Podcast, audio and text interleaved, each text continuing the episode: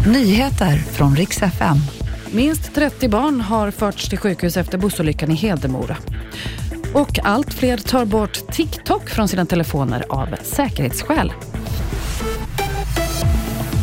Ett 40-tal personer har förts till sjukhus, varav minst 30 barn efter morgonens stora trafikolycka i Hedemora.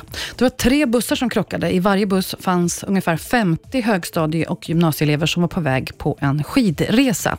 Olyckan inträffade vid halv tio i morse och det har varit mycket dåligt väglag. Några är allvarligt skadade, men ingen ska ha livshotande skador.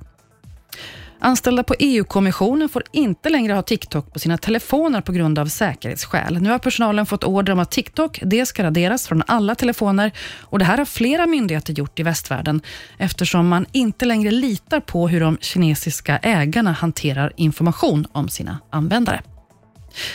Så ska det handla om dokusåpan Paradise Hotel. Den skrotades ju förra, år, förra året efter flera skandaler och misstänkta övergrepp.